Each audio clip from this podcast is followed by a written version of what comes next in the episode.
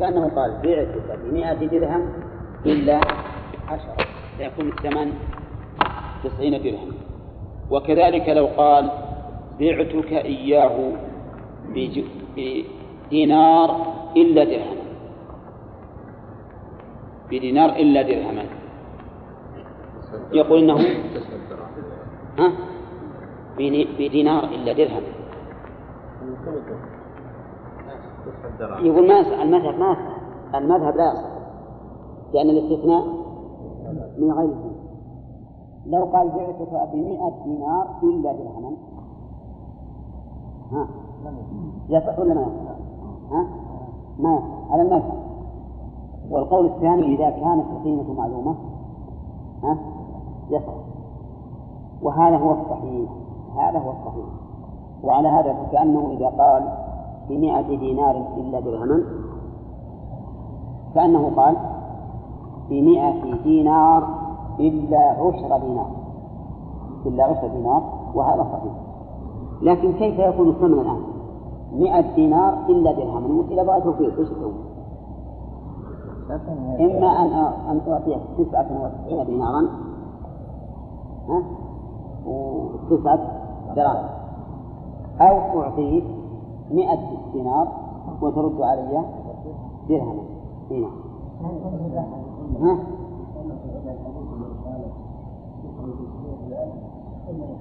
إلا نصف؟ إي نعم. أقول هذا يصح.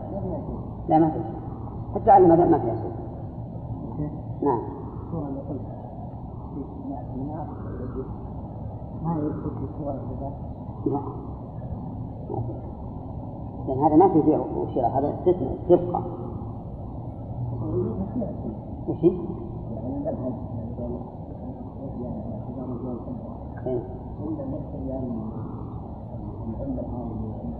لا هو ما ما قال إلا مثلا خمسة قروش لو قال خمسة قروش صح المثل مثل فإن غير لكن على نصف ريال مشاع هذا. مشاع من الجنس يقول المؤلف أو باع معلوما ومجهولا يتعذر علمه ولم يقل كل منهما بكذا لم يصح إذا باع معلوما ومجهولا يتعذر علمه ولا قال في واحد كذا فهو ما يقول. لأن الثمن هنا لا يمكن أن يقسط عليه.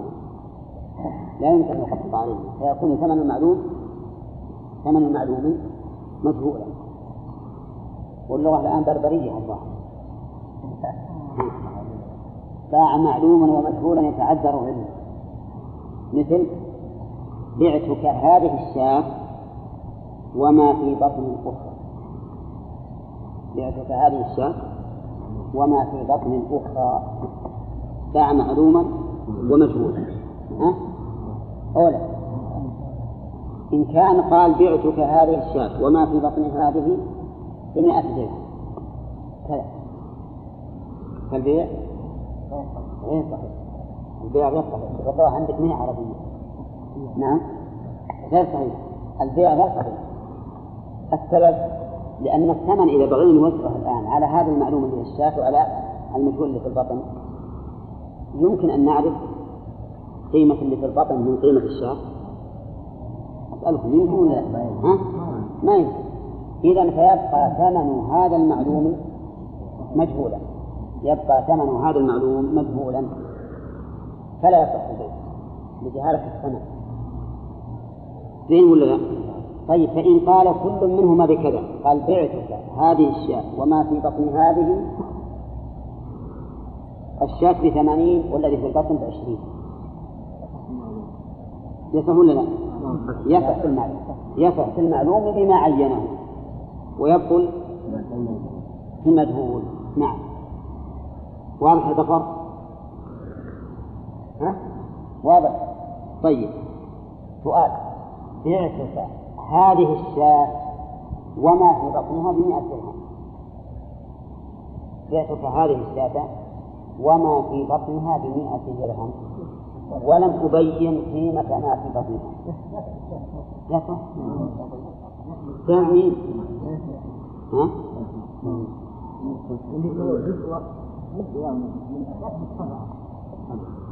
لا ما أنتم فوقها هذا لا.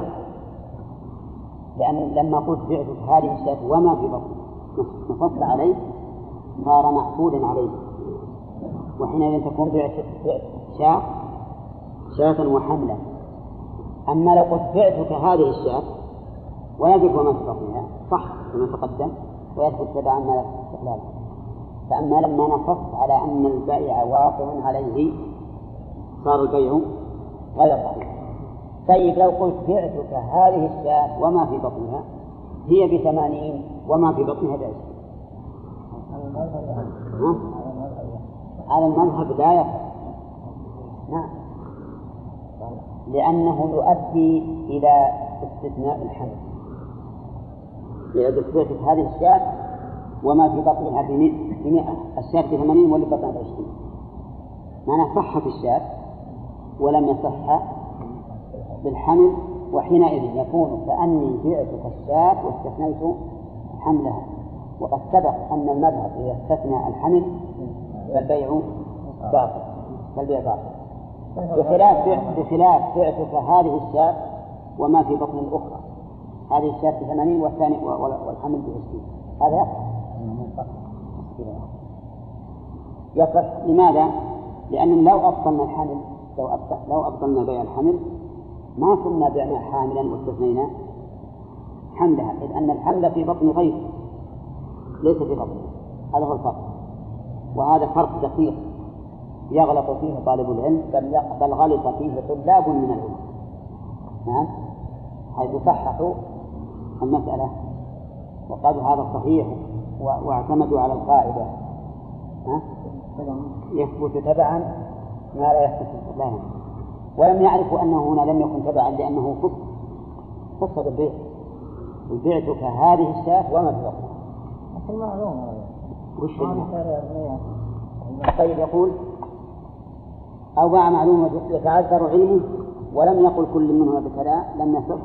فإن لم يتعذر صح في المعلوم بقصته. إن لم يتعذر إيش؟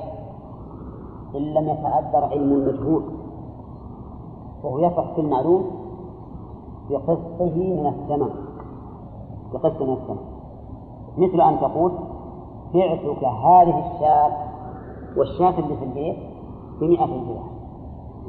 بعتك هذه الشاة والشاة اللي في البيت بمئتي درهم. عبد الوهاب يعرف الشاة الموجودة؟ قول واللي في البيت؟ ما تعرف مجهول.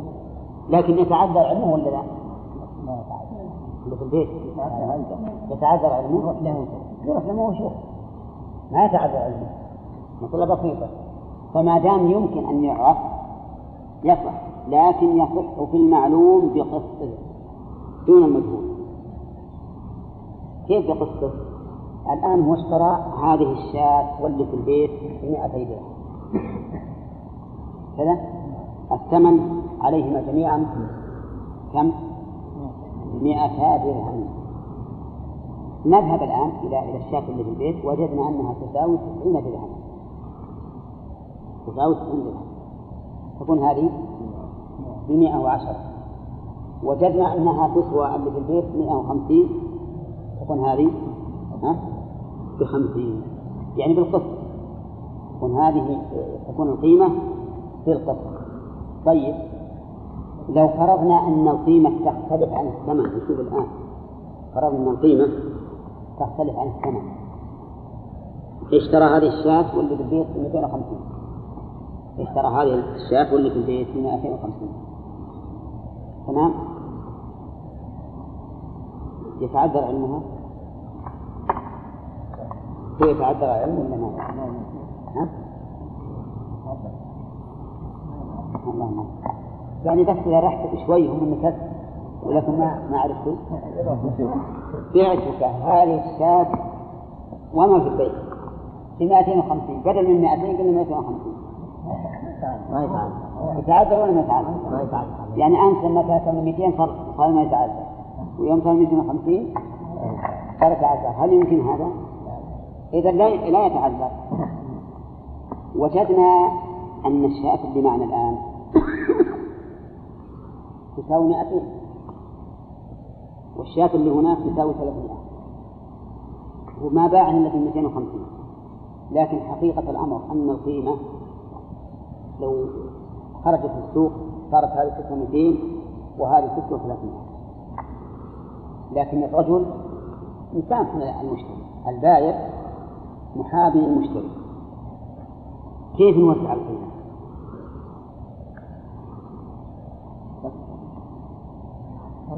أما فهمت. أنا بعتك شاة هذه حاضر. وشاة في البيت. بمائتي درهم وخمسين درهم. تمام؟ مفهوم هذا؟ يصح في إيش؟ يصح في الموضوع هذا شاهد؟ بقصها من السنة ولا يصح في التي في البيت لأنه مجهول عرفنا أول لا؟ وليس كبيع الحمل لأن الحمل ما يمكن الوصول إلى العلم به حين العقد لأنه في البطن. لكن هذه يمكن الوصول إليها. بماذا؟ ها؟ ندخل للبيت ونشوف الشاة. وش تسوى؟ ذهبنا إلى البيت ووجدنا لما أردنا نوزع الثمن عليهما قال والله هذه اللي معنا الآن تسوى 200 لكن هو بعد عنك وليك تسوى 300 الجميع؟ 500 هذه قيمته لكن الرجل مسامح ونعطيك نعطيك إياهم ب 250 كيف نوزع الثمن؟ اي نعم نوزع اخماسا ما نقول الآن خذ هذه ب 200 لأن تسوى 200 ونجزع عنك 50 علشان دي ما يصلح هذا. نقول الآن هذول ب 250 والقيمة التي تسوى في السوق 500 نعم. نوزعها في القسط ال 200 بالنسبة لل 500 50 والثمن 250 كم 50 100 فتكون هذه الشاة عليك ب 100 تكون عليك ب 100 فقط. واضح؟ إي نعم. طيب المهم الآن إذا باع معلوما ومجهولا يتعذر علمه فهل البيع صحيح ولا لا؟ سؤال. إذا باع معلوما ومجهولا يتعذر علمه فهل يصح البيع أو لا؟ المعلوم لا. يصح يصح في المعلوم دون المجهول. وكلا الجوابين خطأ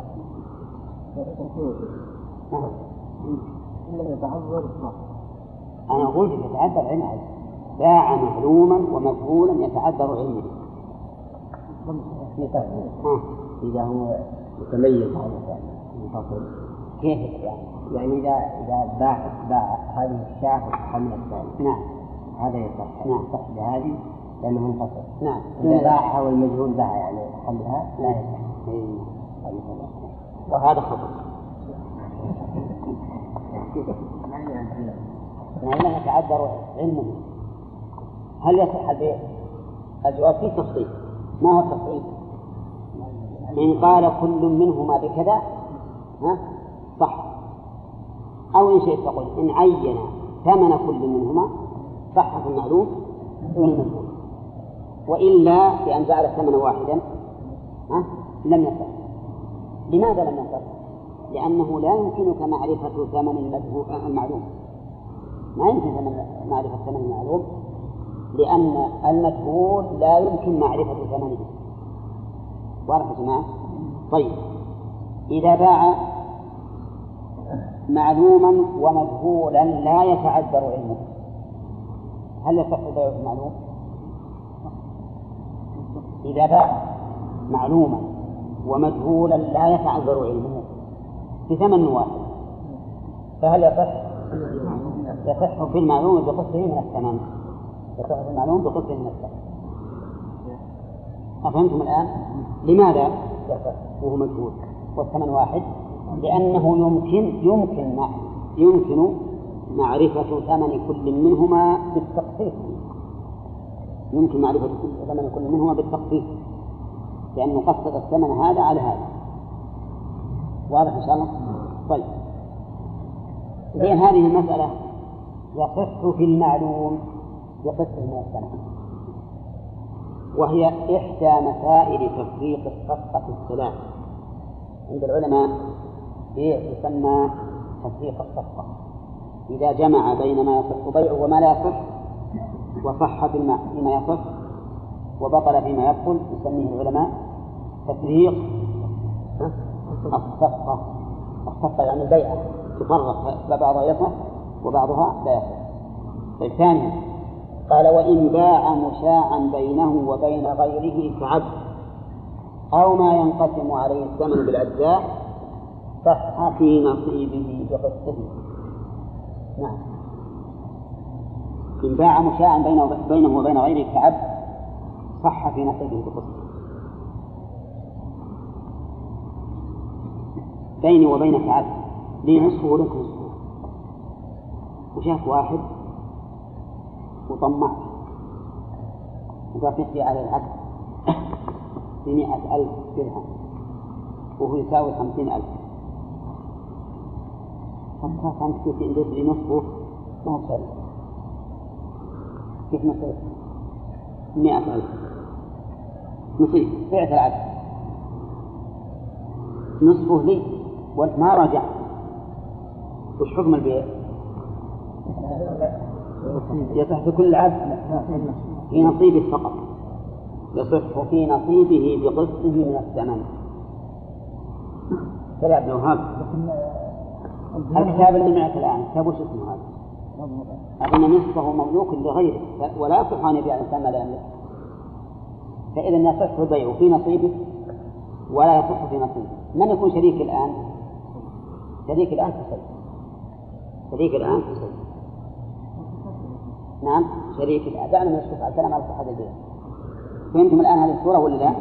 إذا باع الإنسان مشاعا بينه وبين غيره صح في نصيبه بقسطه التعليل. لأنه يملك البيع العقد على نصيبه. ولا يملك العقد على نصيب شريك. واضح ولا لا؟ يا تسيق الصفقة لأن تسيق الصفقة ثلاث هذا واحد منهم. صح في نصيبه ولم يصح في نصيب غيره. لكن بقينا المشتري الآن. المشتري والإنسان العبد كله. وين نروح نقول لك الخيار. لك الخيار. إن شئت فأبقي البيع ولك النصف وإن شئت افسخ البيع ويرجع نصيب البائع إلى إلى ملكه. واضح الآن؟ ما يضيع حق المشتري. ما دام قلنا للمشتري لما تبعض عليه العبد فأنت الآن بالخيار. إن شئت فأمضي البيع ولك نصفه. وإن شئت فافسخ البيع وخذ دراهمك من من الذي باع عليك ويرجع إلى إلى ملكه واضح إخوان؟ طيب. الثاني أو ما ينقسم عليه الثمن بالأجزاء. أو ما ينقسم عليه الثمن بالأجزاء. هذا مو مشاع معين لكن أجزاؤه متساوية. يمكن أن ينقسم عليه الثمن بالأجزاء. مثل إيش ينقسم عليه الثمن بالأجزاء؟ اللي ينقسم عليه الثمن بالأجزاء مثل صاع بر وصاع بر لكن صاع ولي صاع كل واحد آخرينهم من كيس واحد. لكن الصاع اللي لك متميز والصاع اللي لي متميز. مهم مشاع. كان واحد قال تبي عليها العيش. العيش يعني البر.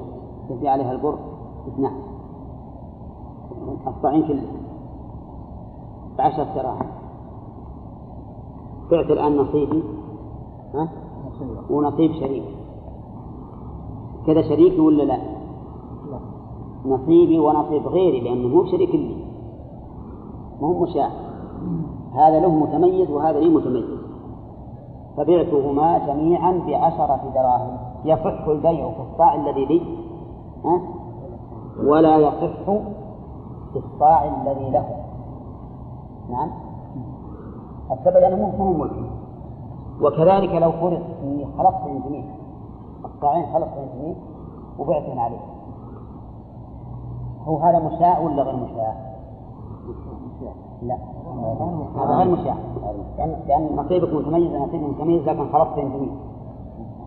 فهذا إذا بعته يصح في نصيبي ولا يصح في نصيبي. لأنه لما كان الثمن ينقسم عليه بالأجزاء صار كالمشاع. نعم يقول وإن باع عبده ترى المثال اللي قلنا الأخير صححوه أنه خلط الصاعين جميعا. خلط الصاعين جميعا. خلطهما جميعا ثم باعهما مخلوطين وهما متميزات كم صورة عندنا الآن؟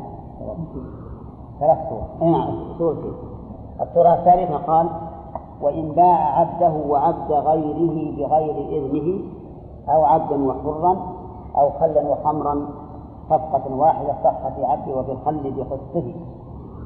باع عبده وعبد غيره. أنا أبعت عينين منفردتين. في واحد منا له جزء منها لا له نصيب مستقل.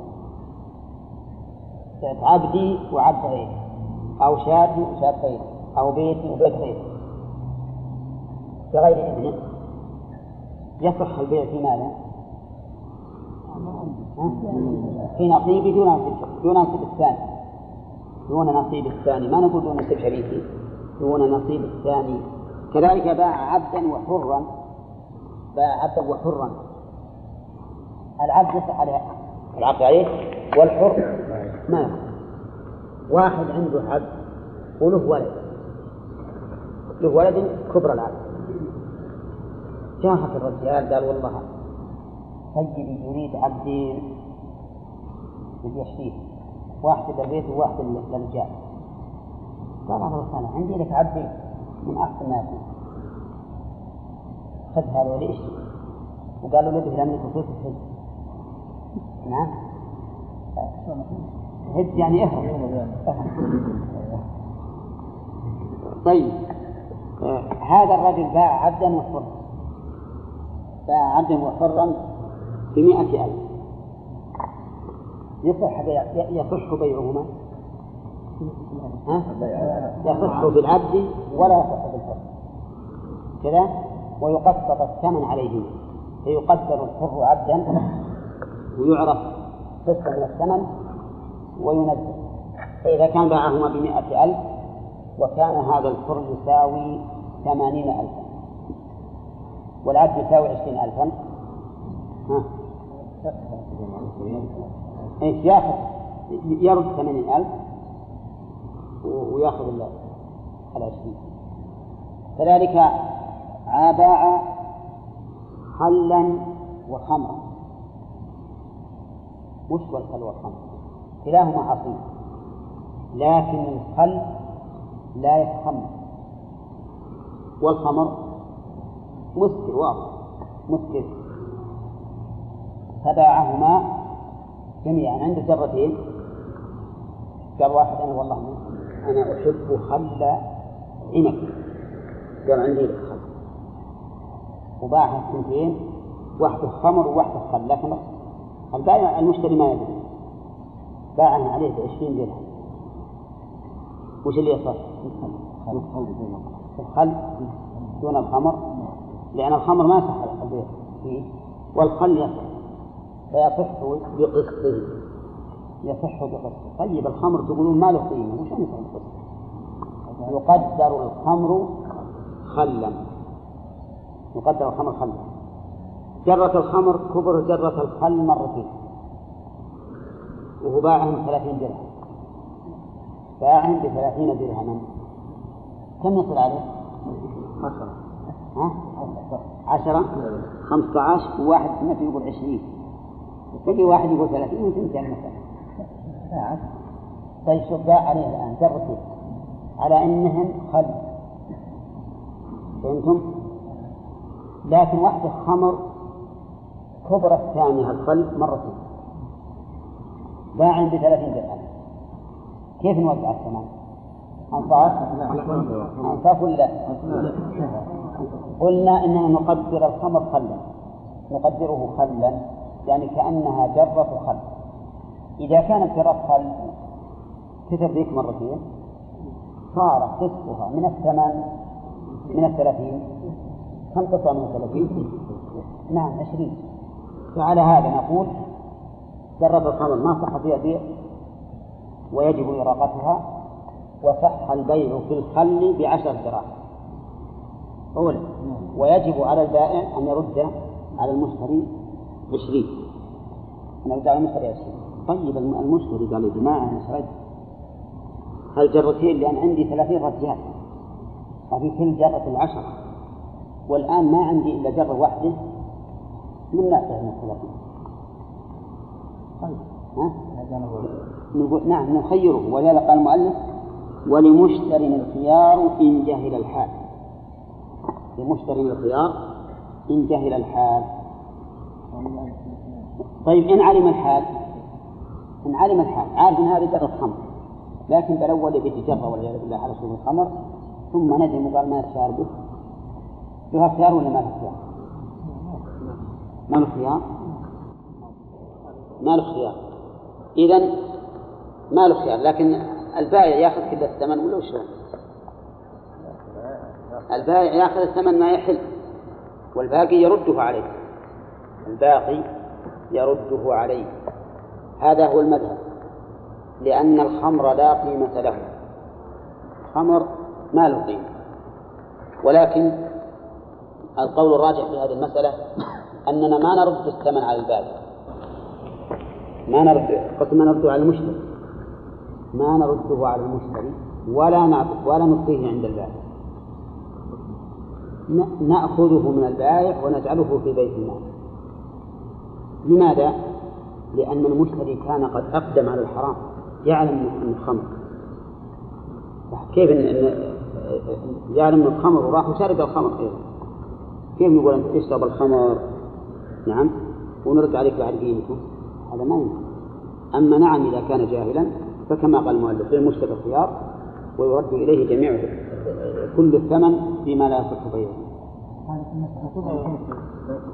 هذه ثلاث مسائل الآن. نشوف. مسائل مسائل الصفقة الثلاث نشوف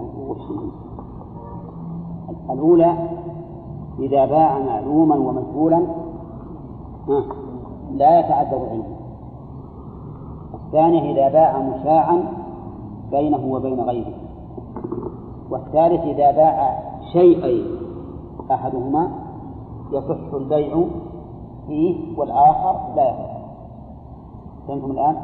هذه مسائل تفريق الصفقة. والمذهب فيها كلها أن البيع يصح بما يصح ويبطل بما يبطل ولمسلم الخيار والقول الثاني في المسألة أن البيع لا يصح في الجميع. البيع لا يصح في الجميع. يقول لأن الصفقة واحدة ولا يمكن أن تتفرق. ولكن الصحيح ما قاله المذهب. الصحيح المذهب في هذه المسألة وهو أنه يصح بما صح ولا يصح في الآخر ولكن لمشتبه فيها في موانع البيع. اعلم أن الأشياء لا تتم إلا بوجود شروطها وانتفاء موانعها.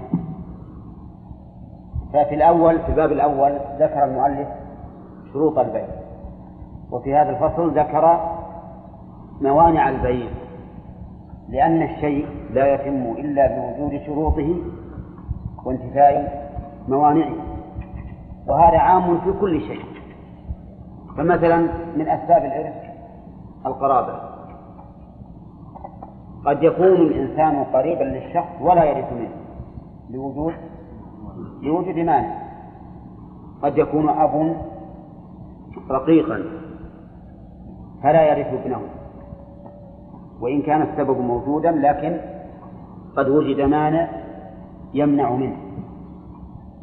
وهذه القاعدة تنفعك في كثير من من الأمور. الحكمية والخبرية. أن الشيء لا يتم إلا بوجود شروطه وأسبابه وانتفاء موانعه. وتزيل عنك إشكالات كثيرة. فمثلا يقول النبي عليه الصلاة والسلام لو أن أحدكم إذا أتى أهله قال بسم الله اللهم جنبنا الشيطان وجنب الشيطان ما رزقتنا فإنه إن يقدر بينهما ولد لم يضره الشيطان أبدا. مع أنه قد يلازم الإنسان هذا القول عند إتيان أهله ثم يضر الشيطان ولده. فما هو الجواب عن كلام النبي عليه الصلاة والسلام؟ وهو لا ينطق عن الهوى. الجواب أنه قد توجد موانع تمنع من تأثير هذا السبب. كالبيئة مثلا. وكذلك قوله تعالى ومن يقتل مؤمنا متعمدا فجزاؤه جهنم خالدا فيها وغضب الله عليه ولعنه وأعد له عذابا عظيما. مع أن مذهب أهل السنة والجماعة أن فاعل الكبيرة لا يخلد في النار والقاتل فاعل الكبيرة يكفر ولا لا يكفر؟ لا يكفر لقوله تعالى في آية القصاص فمن عفي له من أخيه شيء فكيف نقول بأنه يكون يكون جزاؤه جهنم خالدا فيها وغضب الله عليه ولعنه وأعد له عذابا عظيما مع أنه مؤمن والمؤمن لا يخلد. الجواب أن نقول هذا التخليد يمنع منه مانع وهو الإيمان. فإن قلت إذا لا فائدة منه. ما دامت ما دمت تقول إن هذا الوعيد يمكن يمنع. فما الفائدة منه؟ وش تقول؟ الفائدة الزجر وأنه ربما يكون هذا القتل العم سببا للكفر سببا للكفر فيكفر ويكون مخلدا تخليدا مؤبدا ولهذا جاء في الحديث لا يزال الإنسان في فسحة من دينه ما لم يصب دما حراما. فكأن هذا ربما والعياذ بالله يزيغ قلبه زيغا كاملا حتى يستحق الخلود المؤبد. والحاصل أن هذه القاعدة تنفعك في باب الأحكام وفي باب الأخبار وهو أن الشيء لا يتم إلا بوجود شروطه وأسبابه وانتفاء موانعه يقول لا يصح البيع ممن تلزمه الجمعة بعد ندائها الثاني. لا يصح البيع نقول ولا الشراء ولا ما حاجة نقول ولا الشراء ها؟ يعني نقول نقول إن البيع هنا إما أن يقال إنه لا بيع إلا بالشراء. فتكون دلالة البيع على الشراء من باب من باب اللزوم. أي نعم. أو نقول إن البيع هنا من باب التغليب من باب التغليب وإنما اختار المؤلف لا يصح البيع لموافقة الآية الكريمة. يا أيها الذين آمنوا إذا نودي للصلاة من يوم الجمعة فاسعوا إلى ذكر الله وذروا البيع. وإلا فإن الشراء أيضا حرام. لو أوجب البيع قبل الأذان وصار القبول بعد الأذان صار البيع الآن قبل الأذان فلا يكون في الوقت المحرم. لكن الشراء نعم بعد الأذان ولكنه محرم أيضا لأنه ما يتم البيع ولا يصدق أنه بيع حتى يتم الشراء لأن البيع إيجاب وقبول. المهم أن البيع والشراء لا يصح ممن تلزمه الجمعة بعد ندائها الثاني لو أن امرأة باعت على رجل تلزمه الجمعة بعد النداء الثاني ما تقولون؟ فإنه لا يصح. لا يصح البيع لأن شراء المشتري حرام. فيكون بيع البائع حراما أيضا للتلازم. وقوله ممن تلزمه الجمعة يشمل من تلزمه بنفسه ومن تلزمه بغيره. من تلزمه بنفسه ومن تلزمه بغيره. هذا يحتاج إلى شرح وأظن تم شرحه في باب صلاة الجمعة. الذي تلزمه بنفسه هو من اجتمعت فيه شروط الوجوب. وأما من تلزمه بغيره فهو من لم تجتمع فيه شروط الوجوب إلا إذا أقيمت الجمعة وجب عليه. من ذلك المسافر الذي يلزمه الإتمام وهو على المذهب من نوى إقامة أكثر من أربعة أيام. فهذا رجل مسافر قد حل في هذا البلد ويريد أن يبقى أكثر من أربعة أيام. هل تلزمه الجمعة بنفسه؟ لا. تلزمه بغيره. يعني إن أقيمت الجمعة لزمه أن أن يصلي الجمعة وإن لم تق وإن لم تقم لم يلزمه. لم تلزمه الجمعة. ما تصورتوها ها؟ طيب. المذهب يرون أن الجمعة لا تنعقد إلا بأربعين. فإذا وجد في البلد تسعة وثلاثون مستوطنون وهذا الرجل المسافر الذي نوى إقامة أكثر من أربعة أيام. تلزمه الجمعة؟ ما تلزمه الجمعة. لأن إلى الآن ما وجبت لنقص النصاب. لكن لو كانوا أربعين وهذا المسافر الآن موجود قلنا تجب عليك الجمعة بغير ويترتب على ذلك أن هذا الرجل المقيم لو لو أراد أن يصلي بالناس قلنا ما يجوز تصلي لا يصح أن تصلي بهم لأنك لست من أهل الوجوب بنفسك. إنما تجب عليك الجمعة بغيرك. المهم أن قوله ممن تلزمه الجمعة يشمل من تلزمه بنفسه ومن تلزمه بغيره.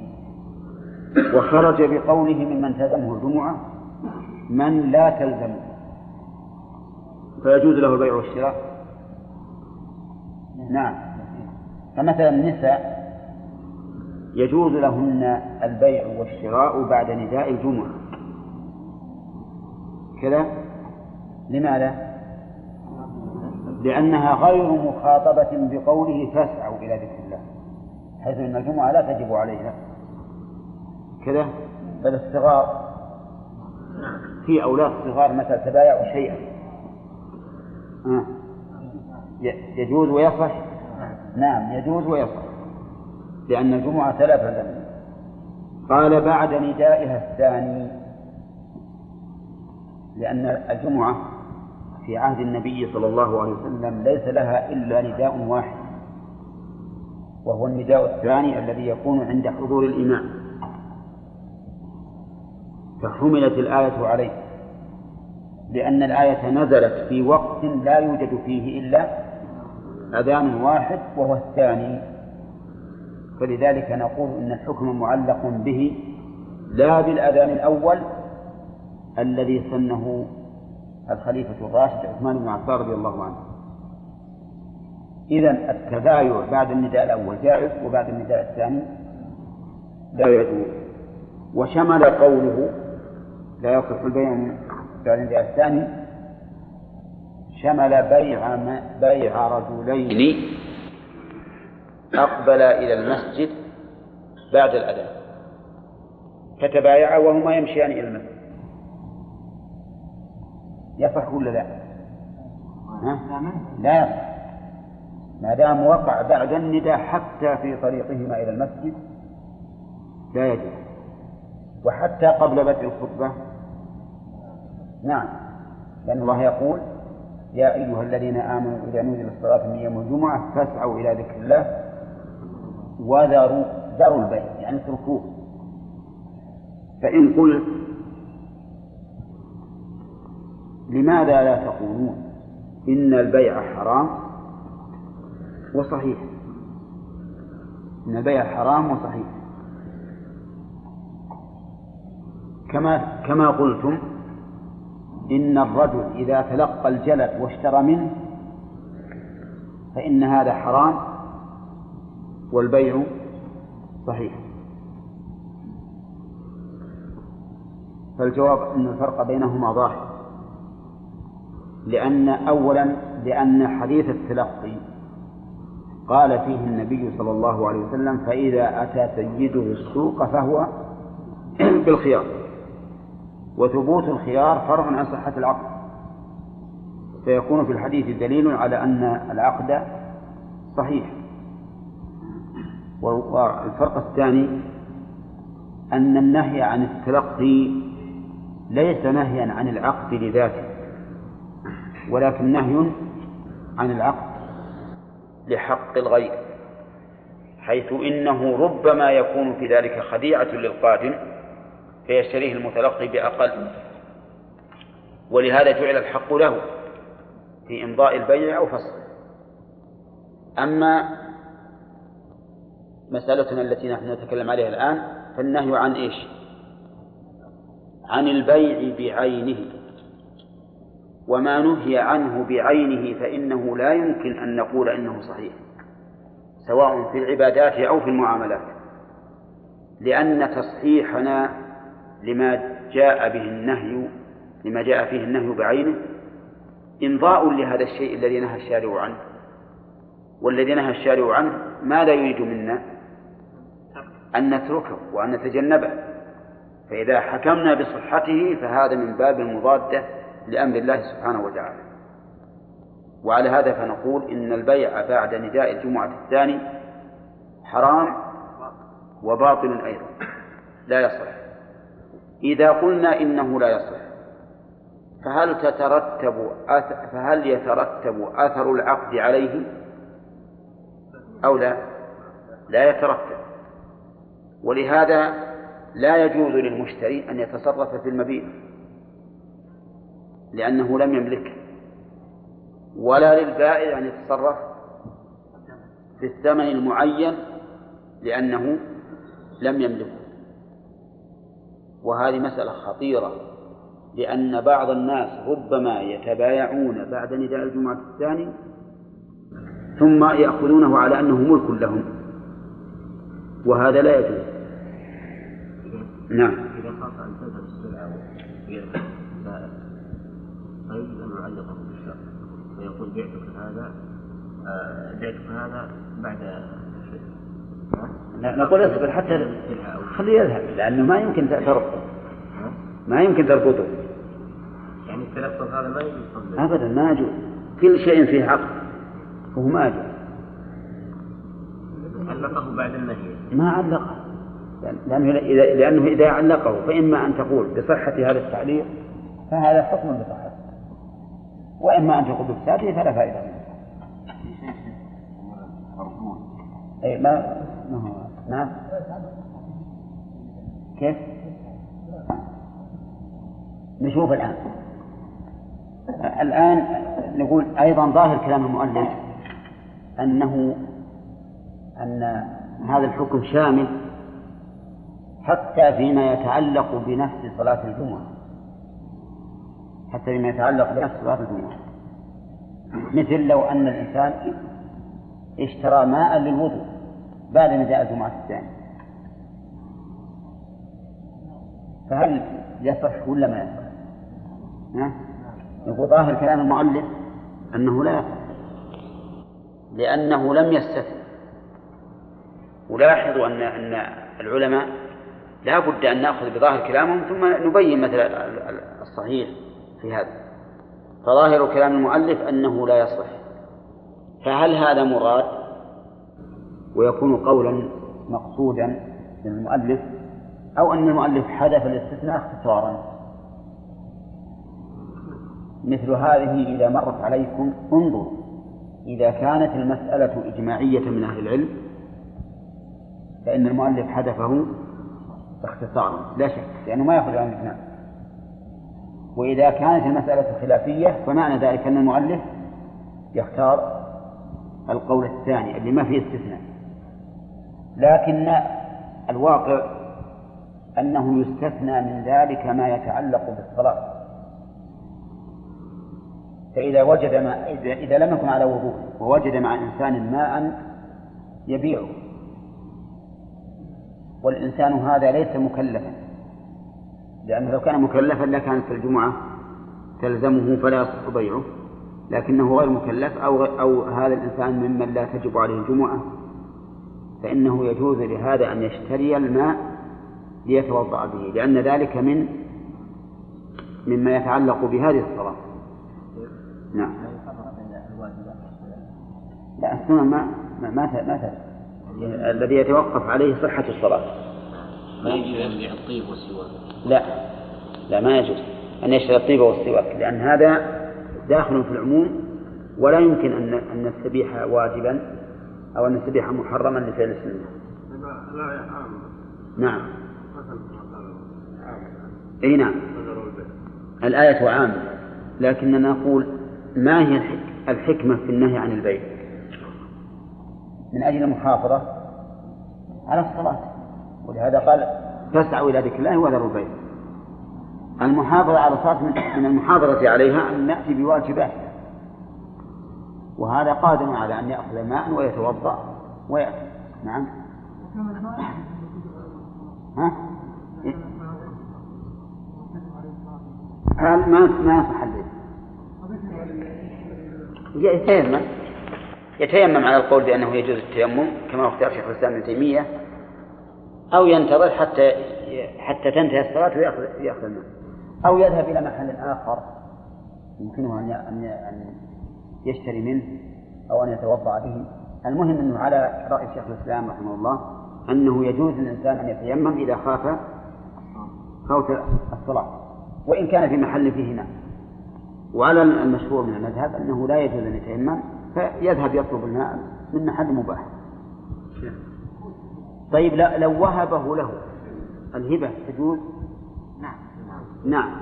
ولهذا يقول المؤلف ويصح ويصح النكاح وسائر العقود يعني يصح عقد النكاح بعد نداء الجمعة الثانية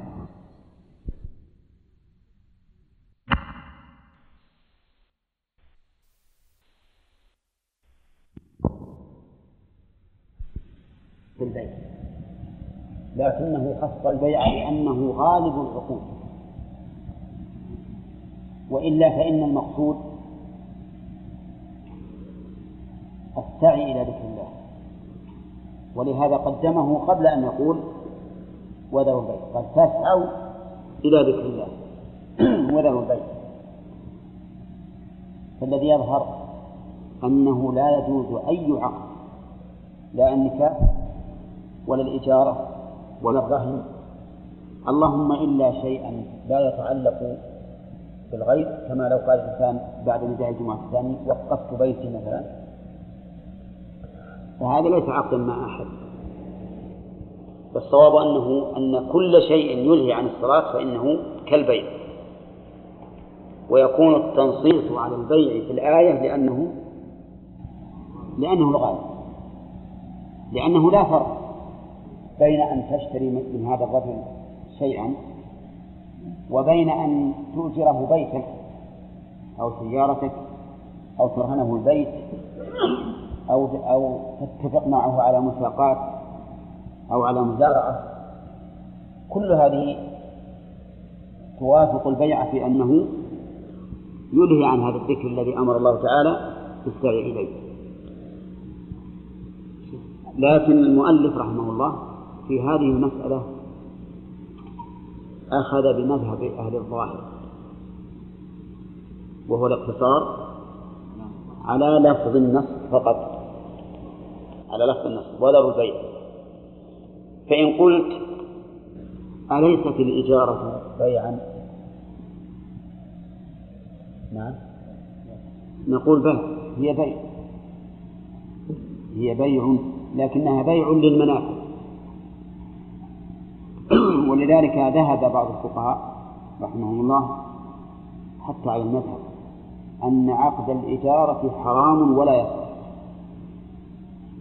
لأن الإجارة بيع لكنها بيع للمنافع.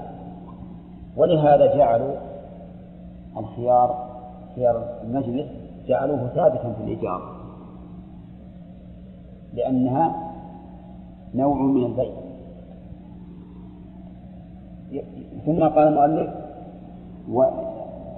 ولا يصح بيع عصير ممن يتخذه خمرا. فهمنا حكم المسألة الأولى الآن فهما تاما وفهمنا أيضا دليلها.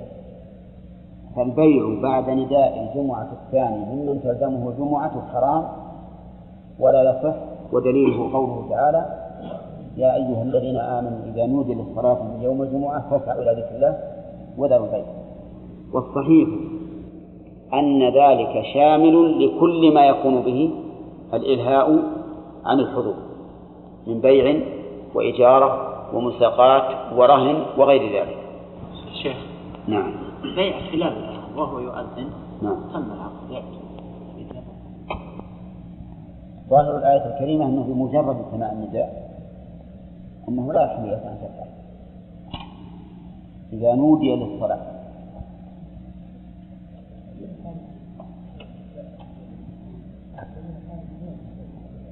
نعم. أي نعم. لا ما لأن أحل الله البيع هذا عام. والنهي عن البيع بعد إنزال الجمعة كان خاص. فإن وأحل الله البيع يشمل كل الأوقات وكل الأماكن وأما هذا فهو خاص ومن المعلوم أن القاعدة عند أهل العلم أن الخاص يقضي على العام. نعم. نعم. وأذن أول الجوامع هل يتعلق الحكم به أم لا؟ ها؟ الجماعة التي يريدها؟ هذا هو الأقرب يقال إذا كنت تريد أن تصلي في المسجد الثاني فإنه لا يتعلق لا يتعلق الحكم بأذان المسجد الذي لا تريد أن تصلي فيه. لأنك الآن حتى وأنت في بيتك وأنت رايح في هذا المسجد حتى بدون عقد فيكون الحكم متعلقا بالمسجد الذي تريد أن تصلي فيه. نعم. قال ولا يصح بيع عصير ممن يتخذه خمرا. بيع عصير ممن من هنا بمعنى على. يعني لا يصح بيع العصير على من يتخذه خمرا. عصير إيش؟ عصير عنب. لا يصح أن تبيعه على شخص يتخذه خمرا. الدليل قول الله تعالى ولا تعاونوا على الإثم والعدوان. وهذا بلا شك تعاون على الإثم والعدوان. فعليه يكون البيع فاسدا لدخوله في النهي. قال ولا يصح بيع سلاح في فتنة. فتنة بين من؟ بين المسلمين. لا يجوز أن تبيع السلاح على إحدى الطائفتين في الفتنة ولا عليهما جميعا. والعلة في ذلك الدليل على ذلك قوله تعالى ولا تعاونوا على الإثم والعدوان. وهذا بلا شك إعانة على الإثم والعدوان. فيكون محرما وإذا كان محرما صار باطلا. طيب يقول لو أن أحدا باع البيض لمن يقامر فيه ها؟ يجوز؟ ما يجوز لأنه تعاون على كيف يقامرون في البيض؟ في البيض؟ ها؟ له صور ها؟ في الكفر يقامرون فيه على الكفر يعطيه بيضة ويخليها على على عرضها أو على طولها على طولها. ويقول إن كسرتها فلك كذا وإن لم تكسرها فعليك كذا. فيقام فيها. فهذا نقول البيع حرام ولا يجوز. إذا نأخذ من هذا قاعدة قاعدة عامة. كل بيع يتضمن الإعانة على الإثم والعدوان فهو حرام ولا يصح واضح؟ إذا جاء إنسان يطلب منك أن تبيع عليه بيته ليتخذه للربا. يحرم؟ يحرم. أو ليتخذه مسرحا للتمثيليات الخليعة. وما أشبه ذلك. فإنه حرام عليه أن تبيع عليه. فالقاعدة إذا هي كل بيع يتضمن الإعانة على الإثم والعدوان فهو بيع محرم باطل. ها؟ إذا كان لا يعلم فهو صحيح لأن هذا لا لا يدخل في وسعه وطاقته وقد قال الله تعالى لا يكلف الله نفسا إلا وسعها. طيب هل يشترط العلم؟ أن أعلم أنه يريد به المحرم؟ أو يكفي غلبة الظن. يقول العلماء إنه يكفي غلبة الظن. فإذا علمت أو غلب على ظنك أنه إنما يريد به المحرم صار حراما قال ولا عبد ولا عبد مسلم لكافر إذا لم يعتق عليه. يعني لا يصح أن يبيع عبدا مسلما للكافر. إلا إذا كان يعتق عليه.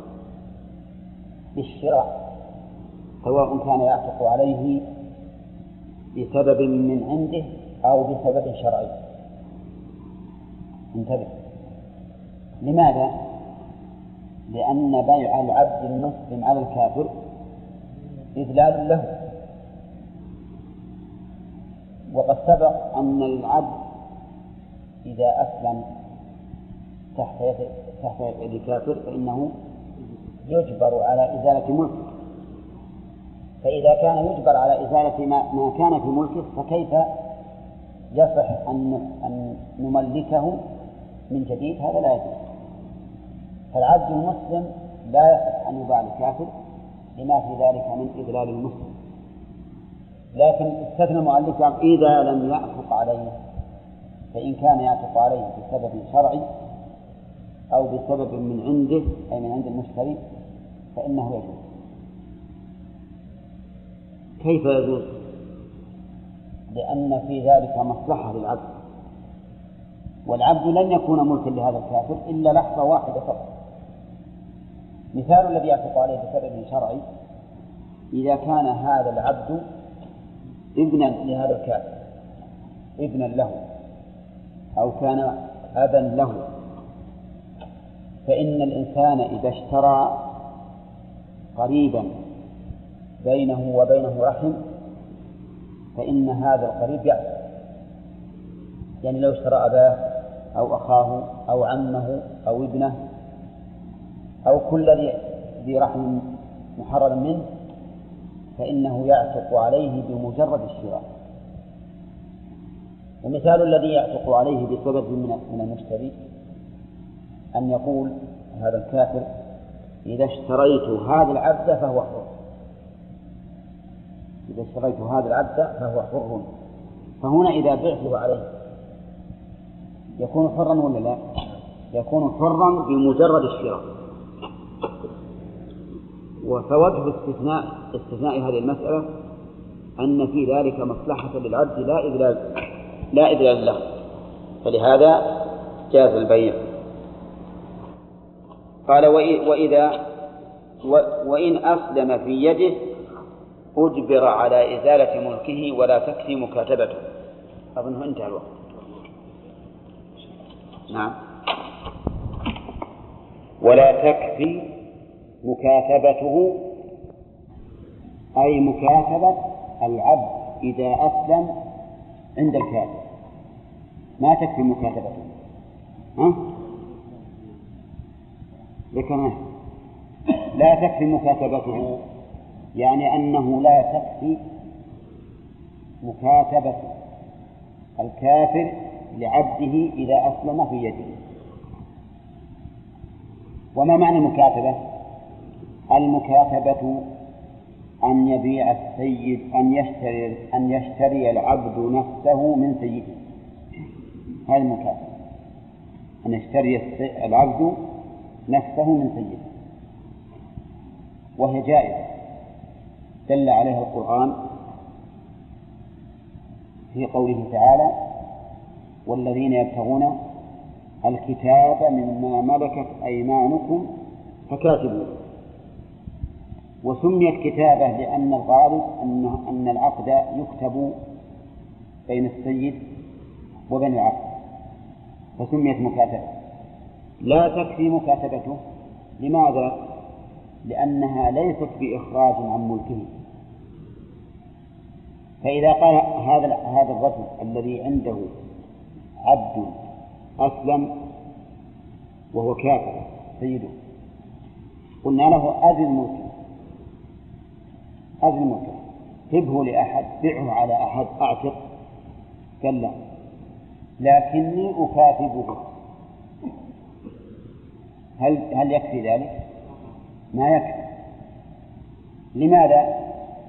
لأنكم تعلمون أن الكتابة أن يشتري العبد نفسه من سيده بثمن مؤجل بثمن مؤجل في هذه المدة ما بين عقد الكتابة إلى أن يؤدي هو عبد ولا غير عبد؟ عبد إذا ما أزال ملك وأيضا ربما هذا العبد الذي اشترى نفسه من سيده بالثمن ربما يعجز في المستقبل. وإذا عجز عاد قنا فحينئذ لا تكفي المكافأة لأنها ليست بإخراج عن ملك هذا واحد. ولأن العبد قد يعجز فيعود صنا فلا يزول المحظوظ من؟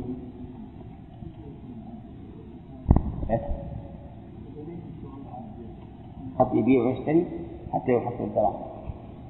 قال وإن جمع بين بيع وكتابة أو بيع وصرف صح في غير الكتابة. كيف جمع بين بينه وكتابة أو بيع وصرف؟ هذا إذا جمع الإنسان بين بيع وصرف. بأن باع بيته على فلان. يرحمك الله. ومعه جنيهات ثمانين. فقال بعتك هذا البيت وهذه الدنانير بألف درهم. بألف درهم. جمع الآن بين بيع وصرف. ولاحظوا أن الصرف نوع من البيع. لكنه بيع نقد بنقد. وسمي صرفا قالوا لأن الدراهم والدنانير يسمع لها طريق عند وضعها في الميزان أو عدها فالصرف نوع من البيع. لكنه له أحكام خاصة كما سيأتي إن شاء الله في باب الربا والصرف. إنما البيع إذا جمع بين بيع وكتابة بين بيع وصرف. صورته ها صورة أن يقول بعتك بيتي وهذه الدنانير. بألف درهم. جمع الآن بين بيع وصرف يصح ما في مانع. البيع والكتابة بأن يقول السيد لعبده بعتك علي بعتك هذا البيت وكاتبتك بألف درهم. وكتبتك بألف درهم. هل يصح البيع؟ لا ما يصح الكتابة تصح لكن البيع ما يصح لماذا لا يصح البيع؟ لأن العبد إلى الآن رقيق. إلى الآن رقيق. فلا يصح طيب لو أن العبد بعد أن كاتبه سيده اشترى من سيده بيتا. يصح. بالكم الآن. لكن لكنه في مسألة الجمع. لم. لم. لم يملك العبد كسبه ما ملك كسبه إلى الآن. فلهذا يصح يصح البيع ولكن ما تصح الكتابة. تصح الكتابة ولكن لا يصح البيع. لأن العبد إلى الآن لم يملك كسبه فقد اجتمع الشيء وشرطه. ويشترط للشرط أن يتقدم على المشروط هذا وجه المسألة في المذهب.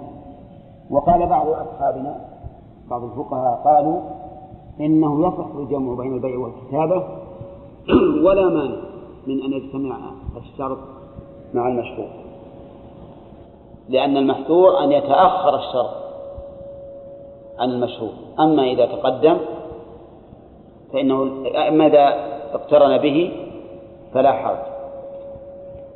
فالآن يا أخوان يشترط لصحة البيع أن يكون المشتري ممن يصح تملكه. أعرفتم هذا؟ هذا المكا... هذا العبد عند سيده إذا باع السيد عليه بيته قبل أن يوثقه فالبيع غير صحيح. إذا باع بيته عليه بعد أن يوثقه فالبيع صحيح. إذا باع عليه بيته مع مكاتبته ففيه خلاف. المذهب لا يصح لأنه ما ما تقدم الشرط. والقول الثاني أنه يصح لأن الشرط والمشروط اجتمعا في وقت واحد فصح ذلك. نعم. والأقرب عندي أنه يصح ولا مانع. أقرب القول الثاني وهو الصحة. واعلم أن قول المؤلف صح في غير الكتابة فيه إيهام عظيم. وش الإيهام؟ أن أنه يقول إذا قال صح في غير الكتابة أن معناه أن الكتابة لا تصح والبيع يصح. هذا هو المتبادل من العبارة. ولكن المعنى صح البيع في غير ما إذا جمع مع الكتابة. هذا معنى العبارة. فإنه إذا جمع مع الكتابة لا يصح. طيب لو. لو جمع بين بيع وإجارة يصح؟ يصح. قال بعت عليك هذا البيت وآجرتك هذه السيارة بعشرة آلاف ريال. ما تقولون؟ يصح. لكن يقول المؤلف رحمه الله ويقسط العوض عليهما. يقسط العوض عليه يعني يوزع بالقسط. هذا مع التقسيط. يوزع بالقسط. ففي الكتابة مثلا باع عليه البيت وكاتبه بعشرة آلاف ريال وقلنا إن البيع لا يصح. والكتابة تصح إذا كم تكون قيمة الكتابة؟ يقسط. فيقال مثلا هذا العبد يسوى خمسة آلاف ريال وهذا البيت يسوى خمسة آلاف ريال. بكم تكون الكتابة الآن؟ بخمسة آلاف. ويقال هذا البيت يساوي ألفين والعبد يساوي ثمانية آلاف.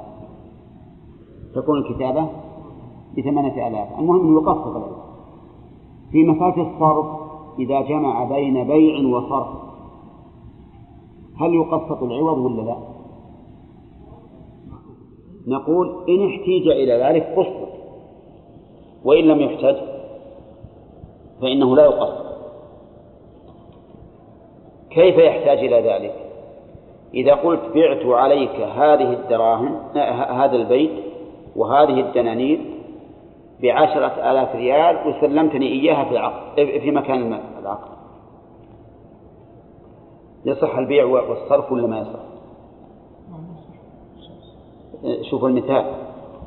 قلت لك بعت عليك هذه الدنانير وهذا البيت بعشرة آلاف درهم وسلمتها لي في مجلس العقد. يصح ولا ما يصح؟ يصح. لأنه ما في ما في شيء يقتضي الفساد. فإذا قلت بعت عليك هذا البيت وعشرة دنانير بعشرة آلاف ريال وسلمتني عشرة آلاف ريال لكن ما سلمتك الدنانير وش اللي يصح؟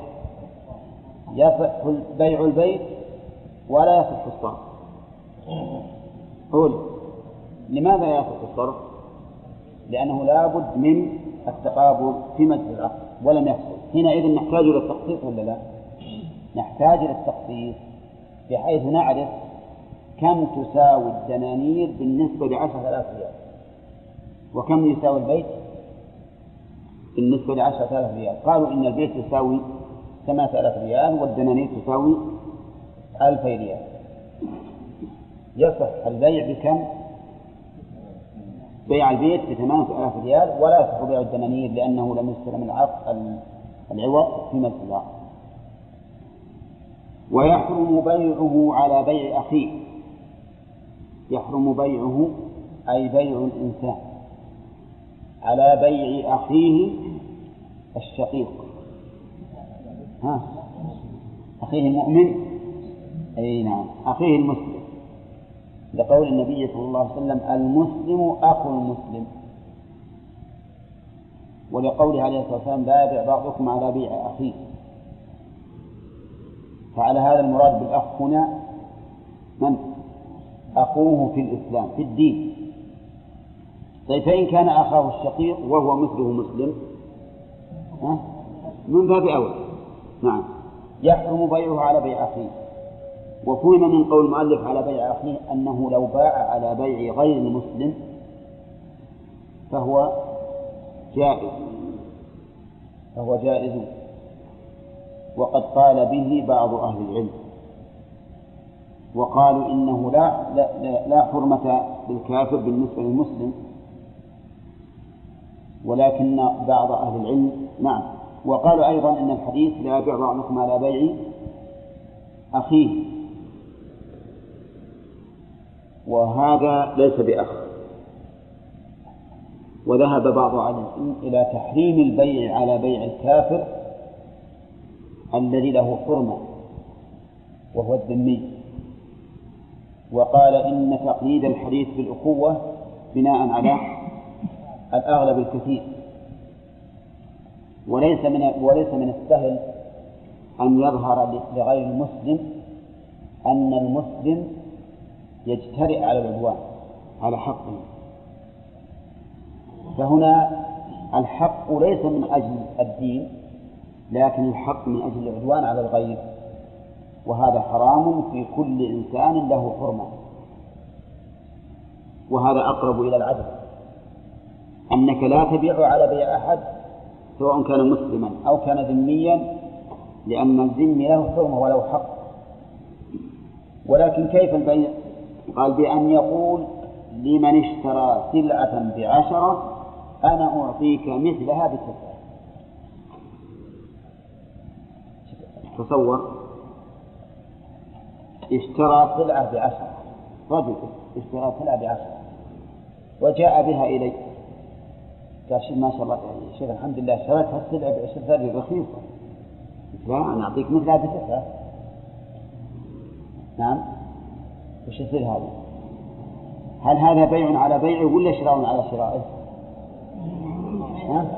بيع على بيع. لأن أنا الآن ببيع على بيع الرجل الذي باع عليه. واضح؟ هذا حرام. لقول النبي صلى الله عليه وسلم لا يبيع بعضكم على بيع بعض. لا يبيع بعضكم على بيع بعض. طيب انتبه. قال إني اشتريتها بعشرة. فقلت عندي لك أحسن منها بعشرة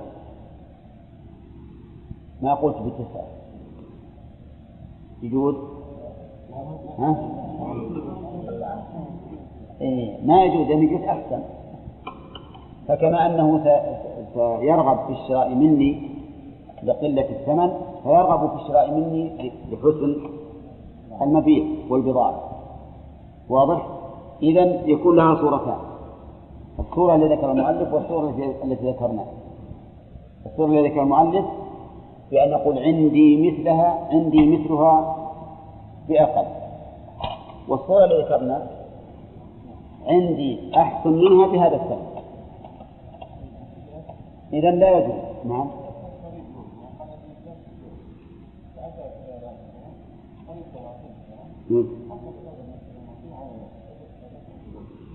هو قد اشترى من ذاك ولا لا؟ ما يجوز. ولو كان هذا. أي يعني قصدك المحاباة هذه إذا علمنا بذلك إن أنني لو أخبرت بأن عندي مثل بثمنها أنه سيحابيني ويرجع. هذا ما يجوز. نعم.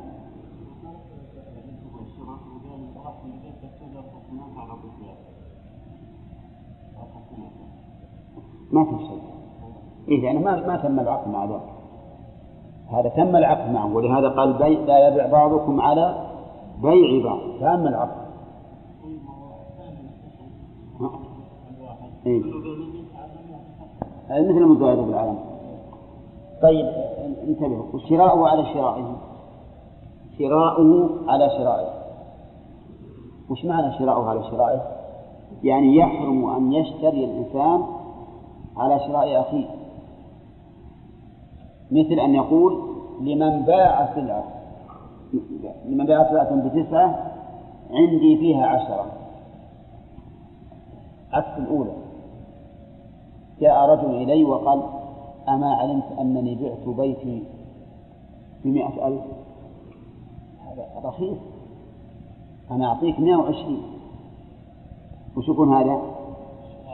هذا شراء على شرائي. لأن الآن بشري أنا. أبشري منك هذا الذي هذا اللي بعت؟ فيكون حراما. ما هو الدليل؟ الدليل الحديث الذي أشرنا إليه. لا يبيع بعضكم على بيع بعض.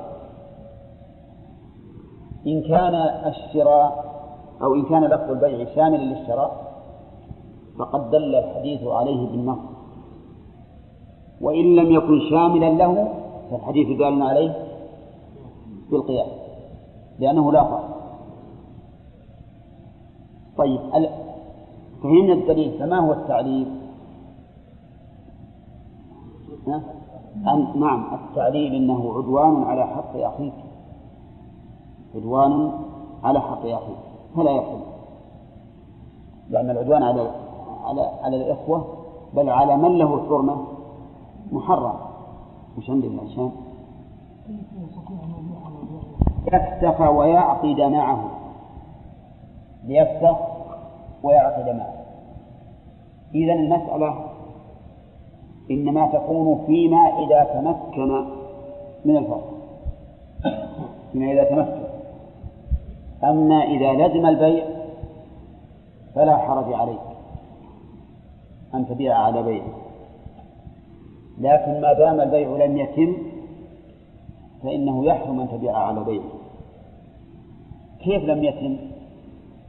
يعني ما في أحد يتكلم مع شخص في مجلس العقد يقول له أنا أعطيك مثل هذه التسعة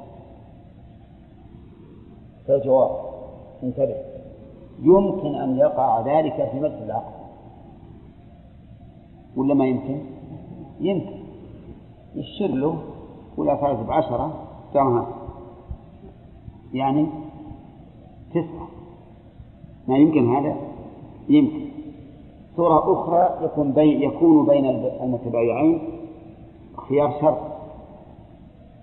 خيار شرط وخيار الشرط إنه إذا اشترى يقول ترى لي الخيار يومين مثلا. ما يمكن هذا ولا لا؟ يمكن. لكن إذا لم يكن فيه خيار لا شرط ولا مجلس وقد لزم البيع فعلى كلام المؤلف يجوز. وذلك لأنه قال ليفسخ ويعقد معه. فأفادنا بقوله ليفسخ أن البيع والشراء إنما يكون حراما فيما إذا كان في زمن إيش؟ زمن الخيار.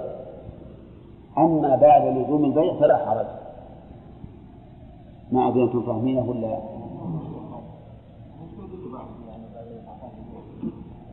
يعني بعد لزومه المهم خلنا نفهم كلام المؤلف الآن؟ أفادنا المؤلف بقوله ليفسخ ويعقد أنه فيما إذا كان في زمن الخيارين خيار الشرط أو خيار المجلس من أين أخذنا أن هذا مراد المؤلف؟ من قوله ليفسخ لأنه بعد البيع ما يمكن يفسخ إلا بسبب كالعيب وما أشبه ذلك. وهذا الذي ذهب إليه المؤلف هو المذهب. وقال بعض العلماء إنه يحرم حتى بعد بعد انتهاء حتى بعد لزوم البيع يحرم البيع على بيعه والشراء على شرائه حتى بعد لزوم البيع وانقضاء الخيار.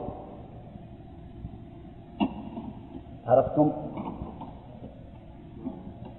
مثاله رجل اشترى بيتا من شخص بمئة ألف. يسلم الدراهم. وانتهى. فجاء هذا الرجل إلى شخص ثالث وقال إني اشتريت البيت بمئة ألف. قال أنا أعطيك أحسن منه بمئة ألف أو مثله بثمانين ألف. نعم. الآن على كلام المؤلف يجوز ولا لا؟ يجوز على كلام المؤلف. لأن البيع انتهى ولزم والمشتري مثلا ما يمكن يفسخ البيع لكن القول الثاني في هذه المسألة أنه يحرم أن تبيع على بيعه أو تشتري على شرائه كيف يحرم وهو ما يمكن يفسخ العقد قال نعم يحرم لأن ذلك يدخل عليه الندم ولا لا؟ يتندم يقول كيف أروح أشتري؟ هذه واحدة ثانيا يجعل في قلبه حقدا على الذي غلبه. أولى يقول هذا الرجل هك علي باع علي بمئة وما أتوا إلا ثمانين غلبا ثالثا ربما يتحير. هذا الذي اشترى. يتحيل ويدعي أن في عيبا أو ما أشبه ذلك يعني يحاول فسخ البيع بحق أو بباطل. فإذا يكون الضرر حاصلا. يكون الضرر لو لم يكن فيه إلا أنه يندع ويعتقد أن الرجل هذا قد قد خدعه وغلبه لكان كافرا. وهو؟ نعم. نعم وهذا أيضا. إن إنه إذا علم لكن هذا ما يكون إلا إذا تمكن من الفسق إذا علم أن هذا الرجل راح يبيع عليه قد يكون في نفسه عليه شيء. نعم.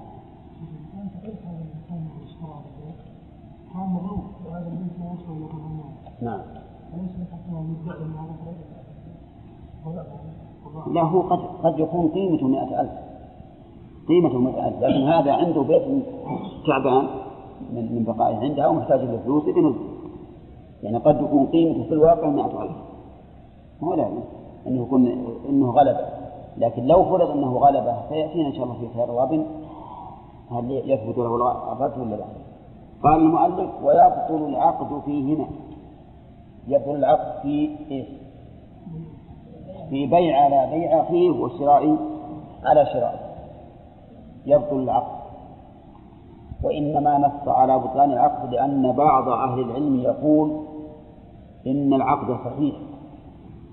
لأن النهي هنا لا يعود إلى ذات المعقود عليه وإنما يعود إلى أمر خارج وهو العدوان على المسلم. فيكون العقد حراما ولكنه صحيح ولكنه صحيح.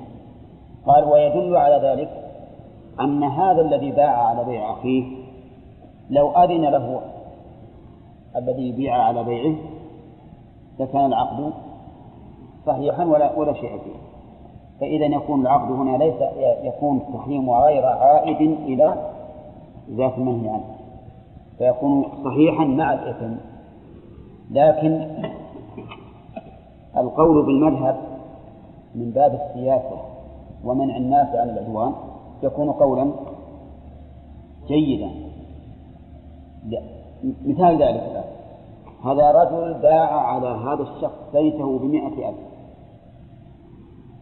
فجاء شخص ثالث وقال للمشتري أنا أعطيك مثله بثمانين ألف. قال الله يعافيك. إذا أهون.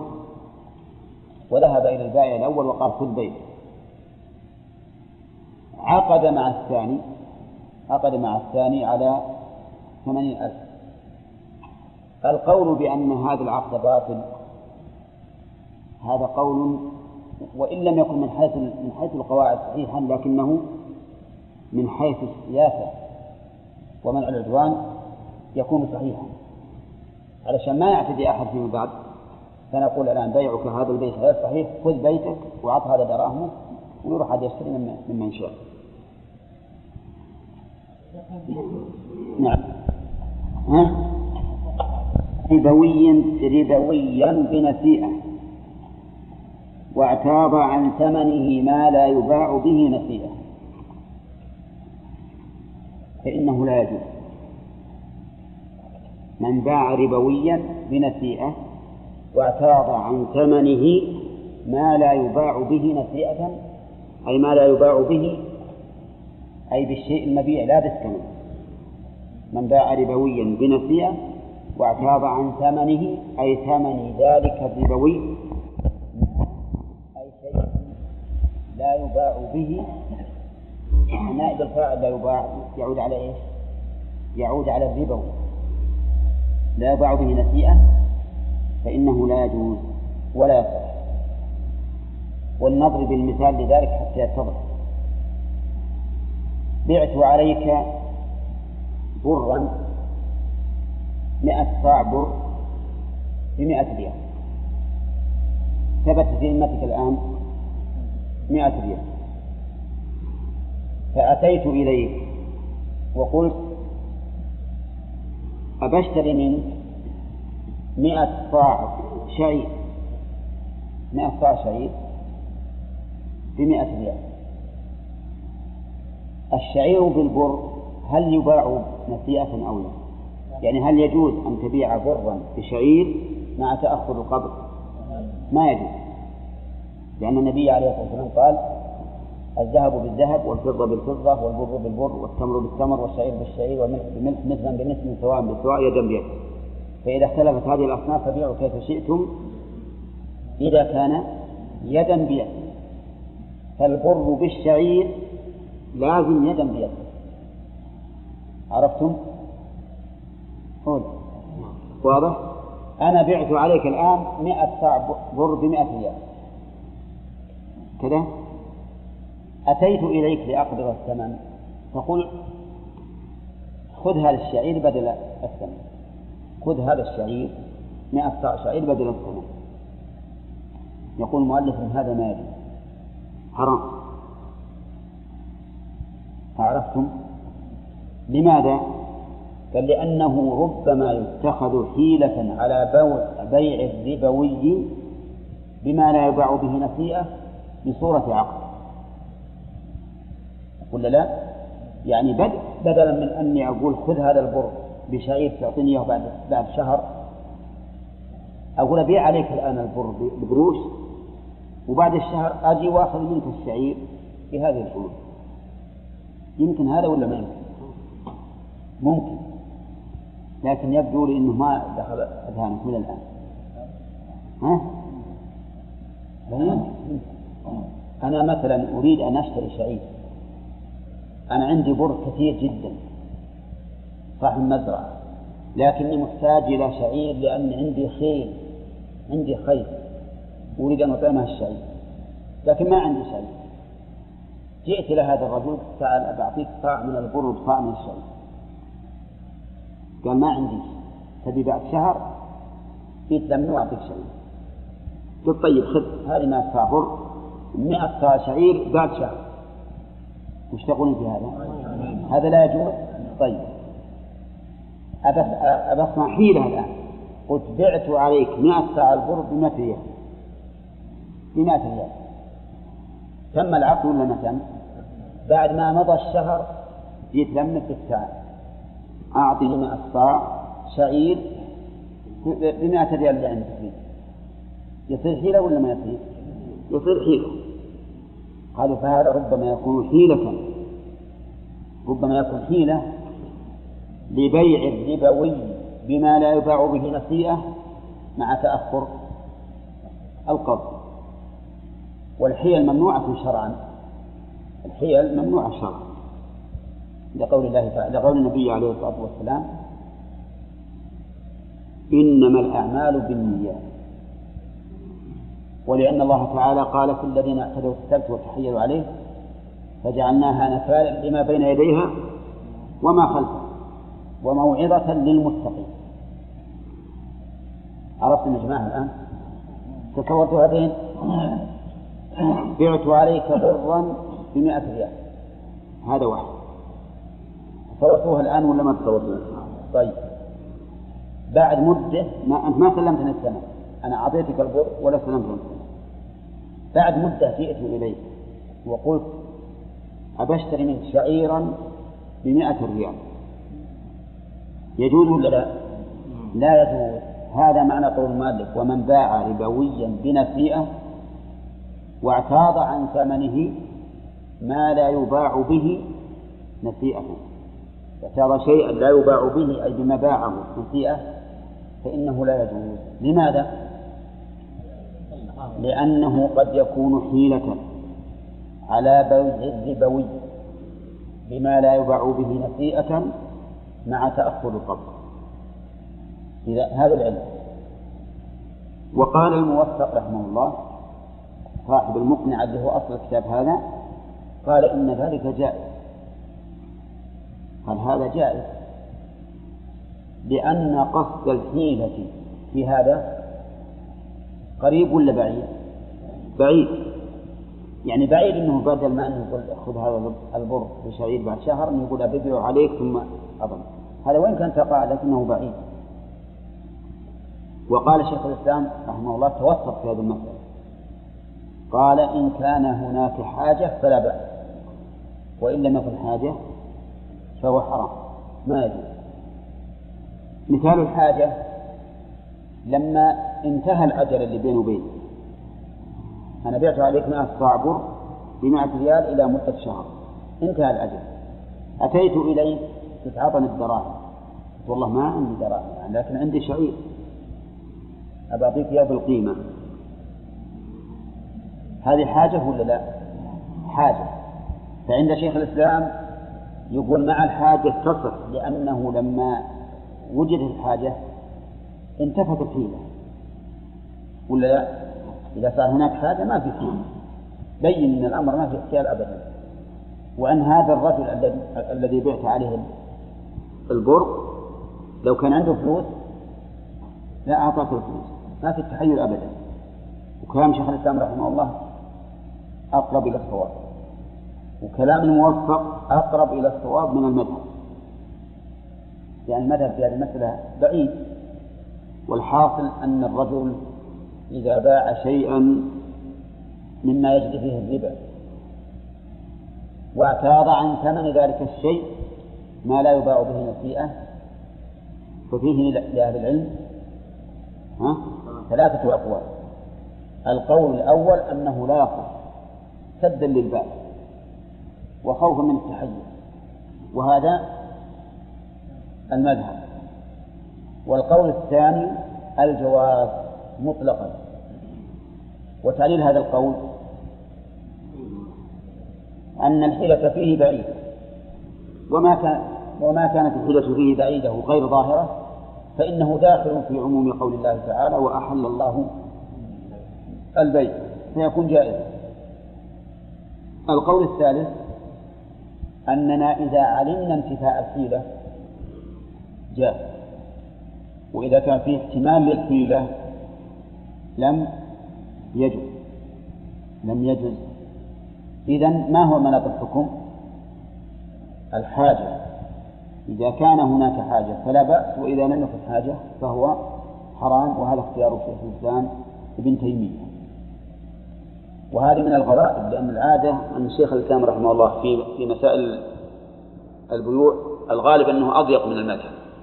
لكن هذه المسألة صار أوسع من المذهب. إذ أن المذهب المنع مطلقة والشيخ يقول للحاجة جائز. نعم. نعم. لا لا أبدا. المذهب ما تجوز مطلق. هنا نعم.